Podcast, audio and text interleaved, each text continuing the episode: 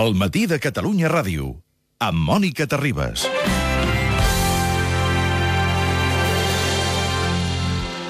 Informa Salamartín. Universitat de Colúmbia, Nova York.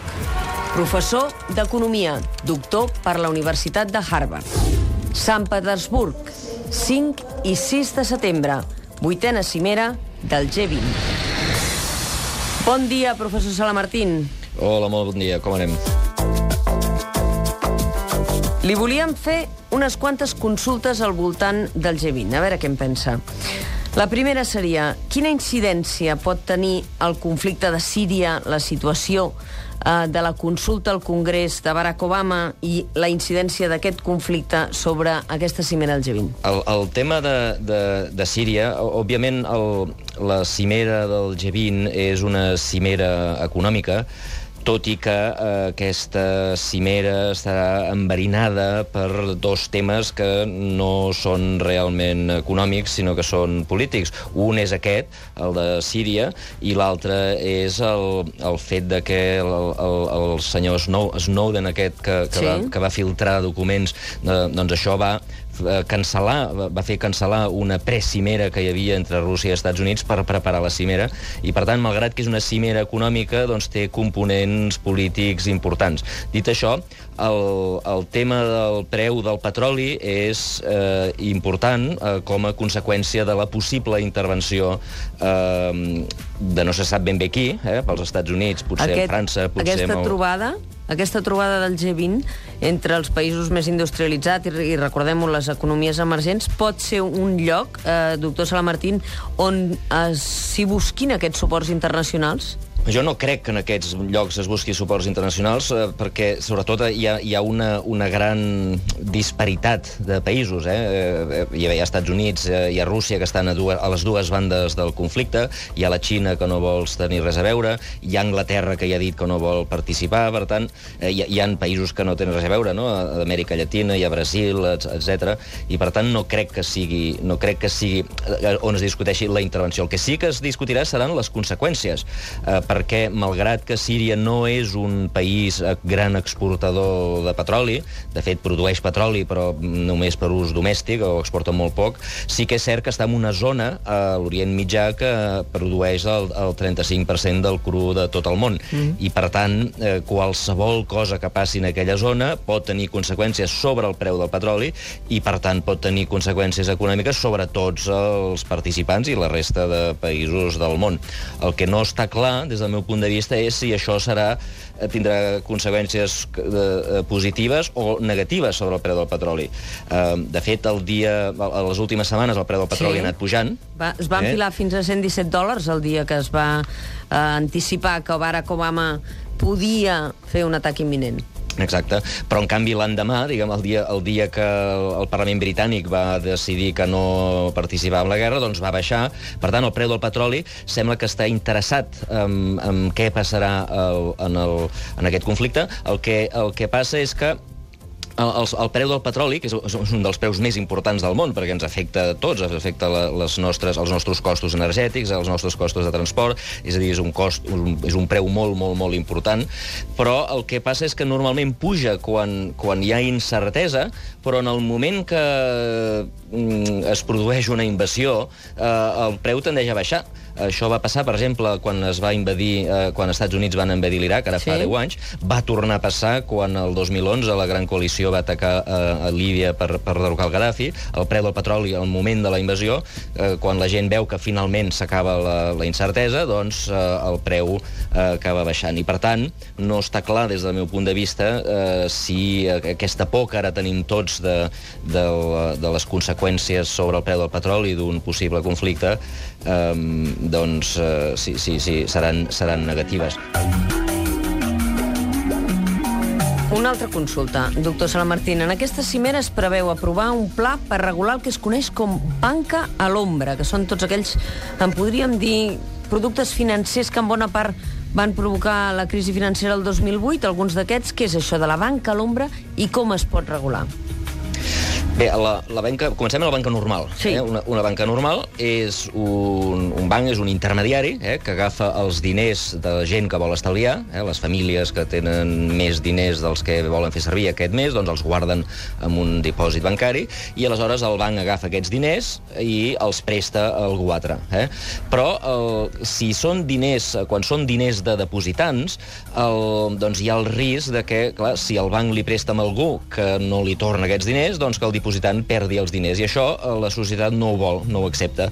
I, per tant, fa que el, el, diguem, crea una, una sèrie d'institucions, mm -hmm. com els fons de garantia de dipòsits, com tota una sèrie de regulacions que, eh, Que impedeixen... xarxa, no? Exacte, fan que, el- que, el, que el govern, eh, que, que els bancs no puguin fer ben bé tot el que vulguin amb aquests diners. Eh? Estan molt, molt, molt limitats per la regulació.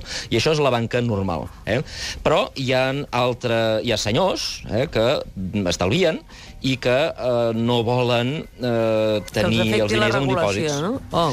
No, no, no, no, el- els senyors que, que volen Sí. estalviar, eh, tu, tu, si, si, com que tu estàs en un, si tu estàs en un fons, de, en un banc normal, amb, Sí. amb dipòsits, amb fons de garantia de dipòsits, doncs clar, com que està, el, el banc està tan, tan, tan regulat, doncs el banc només paga res, no paga gairebé res, els, els interessos que paga pels dipòsits són gairebé nuls.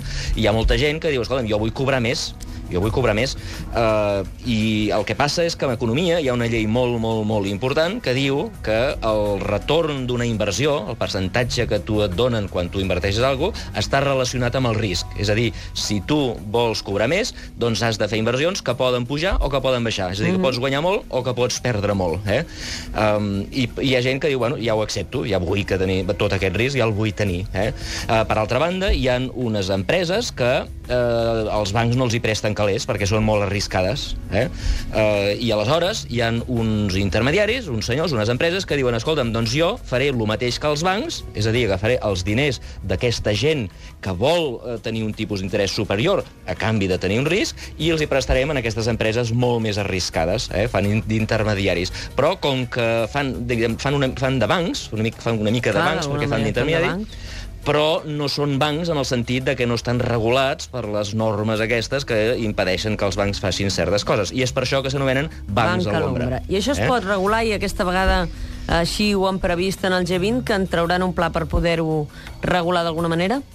Bé, el, ja veurem com, com ho fan, perquè, clar, jo crec que aquestes institucions fan un paper important. Eh? Hi ha gent que vol guanyar calés amb els seus estalvis, no els vol tenir amb un 0,1%, i hi ha empreses que, si no fos per això, no tindrien accés a crèdit, i, per tant, aquestes institucions juguen un paper. Per exemple, aquestes institucions estem parlant de, de coses co, tan, tan famoses o tan lletges com el, els anomenats hedge funds, o els vehicles estructurats d'inversió, que, com deies tu, són algun, alguns analistes els han donat com a culpables culpables de la crisi, no? Uh, uh, el que sí que, diguem, el que no es pot fer és prohibir-los perquè fan una funció important. Si sense aquests vehicles doncs, hi hauria gent que no tindria accés a crèdit, sense aquests vehicles molts inversors cobrarien massa poc i per tant no estalviarien, i per tant són importants. El que la pregunta és com s'impedeix que aquests uh, fons uh, creïn inestabilitat econòmica, com sembla que van crear uh, no la crisi espanyola, que és una crisi de bombolla, sinó la crisi dels Estats Units, la, la crisi que va començar el 2007, com es pot fer que no creïn inestabilitat econòmica sense eh, impedir que facin la seva feina. Això és el que no la gent del G20, eh, jo crec que cap regulador sap ben bé com es fa, eh, com, com s'aconsegueix reduir la volatilitat o la, la, la possibilitat de que facin mal sense eliminar una, una funció que fan que és important. Tercera consulta en relació al G20. En aquesta cimera es preveu aprovar un pla destinat a lluitar contra l'evasió fiscal de les grans empreses. Sí, a veure, aquí, aquí s'ha de, de distingir entre evasió fiscal sí? i al·lusió fiscal. Al·lusió. Eh? Una cosa és evasió- evadir i l'altra és escaquejar-se. sí, una, una és evadir il·legalment i l'altra és escaquejar-se legalment. És a dir, eh, evasió és quan algú amaga una activitat econòmica eh, per no pagar impostos. Eh? Uh -huh. Un senyor que et pinta una paret a casa, eh, doncs dius, tu i ell us poseu d'acord i dius, escolta'm, no diguem res al govern i així ens estalviem l'IVA. Eh? Uh -huh. Això és evadir, això és il·legal. Um, les grans empreses, sobretot les multinacionals, que ingressen calés a diferents països del món, eh, fan servir uns trucos eh, basant-se en el fet de que diferents països tenen diferents lleis i tenen diferents tipus impositius. Per exemple, l'impost de societats, eh, l'impost de societats és l'impost que paguen els beneficis de les empreses. És com l'impost sobre la renda, eh, quan un treballador guanya un salari i paga un impost, quan una empresa guanya diners, que els diners que guanya l'empresa es diuen beneficis, doncs aquests beneficis també paguen uns impostos que s'anomenen impostos de societats. Als Estats Units, aquest impost de societats és del 35%, a Espanya és del 30%, a Irlanda és del 12,5%, a Belize és del 0%. Eh? Aleshores, clar, els països, els, les empreses com, com, com, per exemple, Google o Facebook, no? que tenen ingressos a molts països del món, doncs han de decidir exactament a quin país s'instal·len. Eh? Uh, doncs bé, uh, lògicament, s'instal·len en el país que els hi és més favorable uh, des del punt de vista fiscal. Si s'instal·len a Belize, paguen 0, si s'instal·len a Irlanda, paguen 12,5, si s'instal·len a Espanya, paguen 30, si s'instal·len als Estats Units, paguen 35. Això què vol dir? Que normalment aquestes empreses, eh, si per exemple mm, són americanes, com Google, doncs eh, eh, se'n van a llocs on paguen molts menys impostos, però els paguen en aquest altre país, i els Estats Units perden aquests ingressos. Però hi haurà un Units... pla? En sortirà un pla d'aquí per poder lluitar? S'hi pot lluitar contra l'evasió fiscal de les grans empreses? Bé, l'única manera de lluitar sobre això és posar-se d'acord amb les regles, eh, que és a dir, tothom fer pagui... una regulació comuna, no? Clar, exacte. Per això la cimera del, CV, del G20 és important. Allà on es reuneixen tots els països i diuen, escolta, posem-se d'acord i fem tots el mateix tipus impositiu, fem tots les mateixes lleis, de manera que vagi on vagin les empreses, pagaran el mateix i, per tant, no tindran incentius a fer aquestes, aquests, aquests jocs de mans eh, eh, comptables. Um, però, clar, el problema quin és? Que les, els països que ara mateix es beneficien d'això doncs no volen, eh, no volen, que, no volen deixar de beneficiar-se d'això. Eh, molts d'aquests impostos que cobra Irlanda, perquè té un tipus baix, els perden als Estats Units. Els Estats Units, òbviament, els diu als irlandesos, xavals, heu de pujar els impostos, als Estats Units, Irlanda diu, escolta'm, no, si voleu, no. baixeu-los vosaltres. Això passa eh, amb Luxemburg i Holanda, no, també? Passa amb Luxemburg, passa amb Holanda, és clar, passa amb tots els països que es beneficien, no volen posar-se d'acord, els països països que en surten perdent volen obligar els altres a posar-se d'acord, i, però bueno, en tot cas l'única manera d'aconseguir-ho seria eh, la coordinació total de les polítiques fiscals, és a dir, dels tipus impositius, de les regles, de les lleis que regulen eh, tot això.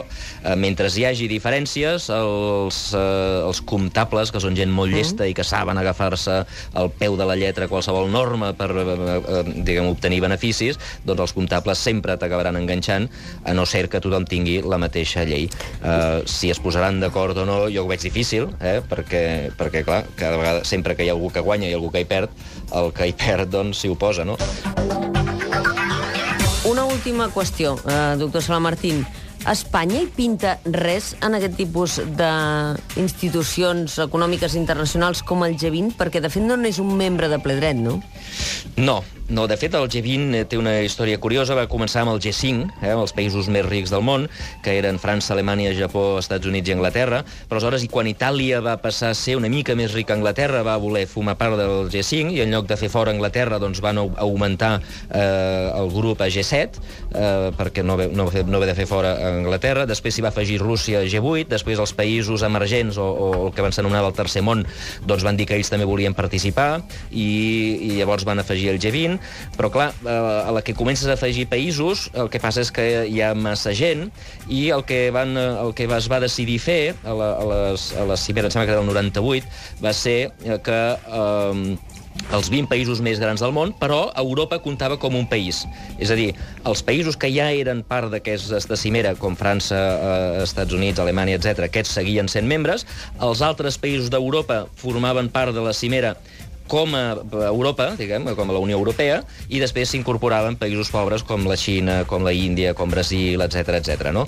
Ah, clar, llavors Espanya va quedar en una situació estranya perquè Espanya era el país eh, número 14 en rànquing de riquesa mundial, era el número 14, però no participava perquè eh, perquè, clar, no, no, no pot participar tanta gent. Mm. Llavors Espanya entrava com a part de d'Europa. De, de, I aleshores el que es va inventar el Zapatero va ser entrar per la porta de darrere, aprofitant que Europa era eh, el president de la Unió Europea era el Sarkozy, doncs, eh, doncs a, a Va França hi anava... una, una mena de... de... Sí. A França hi va anar com a França, a Espanya hi va anar com a substitut, i llavors a Espanya sempre hi ha anat per la porta darrere, però a I mi em dóna la impressió Sí, s'ha quedat com a membre invitat, hi va com a invitat, però no com a membre oficial. I això, i això jo crec que demostra que... Fa poc el, el, el Rajoy va fer una frase, diguem, criticant eh, diguem, el procés de- de- d'independència de, de Catalunya, dient, si, hoy en dia, si no eres grande, no pintas nada. No? Sí. Eh, Ho va dir, el- a, em sembla ser les jornades de Sitges, si no m'equivoco, no? Sí, doncs, eh, doncs dona la impressió que si, siendo grande, com Espanya, o almenys, almenys sent gran com Espanya, tenint el tamany d'Espanya, tampoc pinta res, perquè no només no només no formes part del G20, sinó que no formes part de, diguem, no, no, no estàs en els consells directius de les grans institucions europees, que, que tampoc eh, Espanya abans ho era i ho està perdent, i per tant, eh, diguem, jo crec que Espanya, una de les coses que està passant és que està perdent poder eh, internacional a tort i a dret, i, i en aquesta cimera del G20 la cosa no canviarà. Doctor Sala Martín, li agraïm moltíssim que, que s'hagi incorporat en aquest matí de Catalunya Ràdio.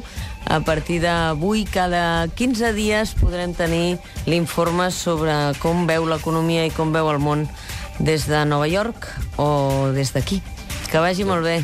Moltes gràcies per incorporar-me i, de nou, bona sort en, aquesta, en aquest projecte. Moltes gràcies.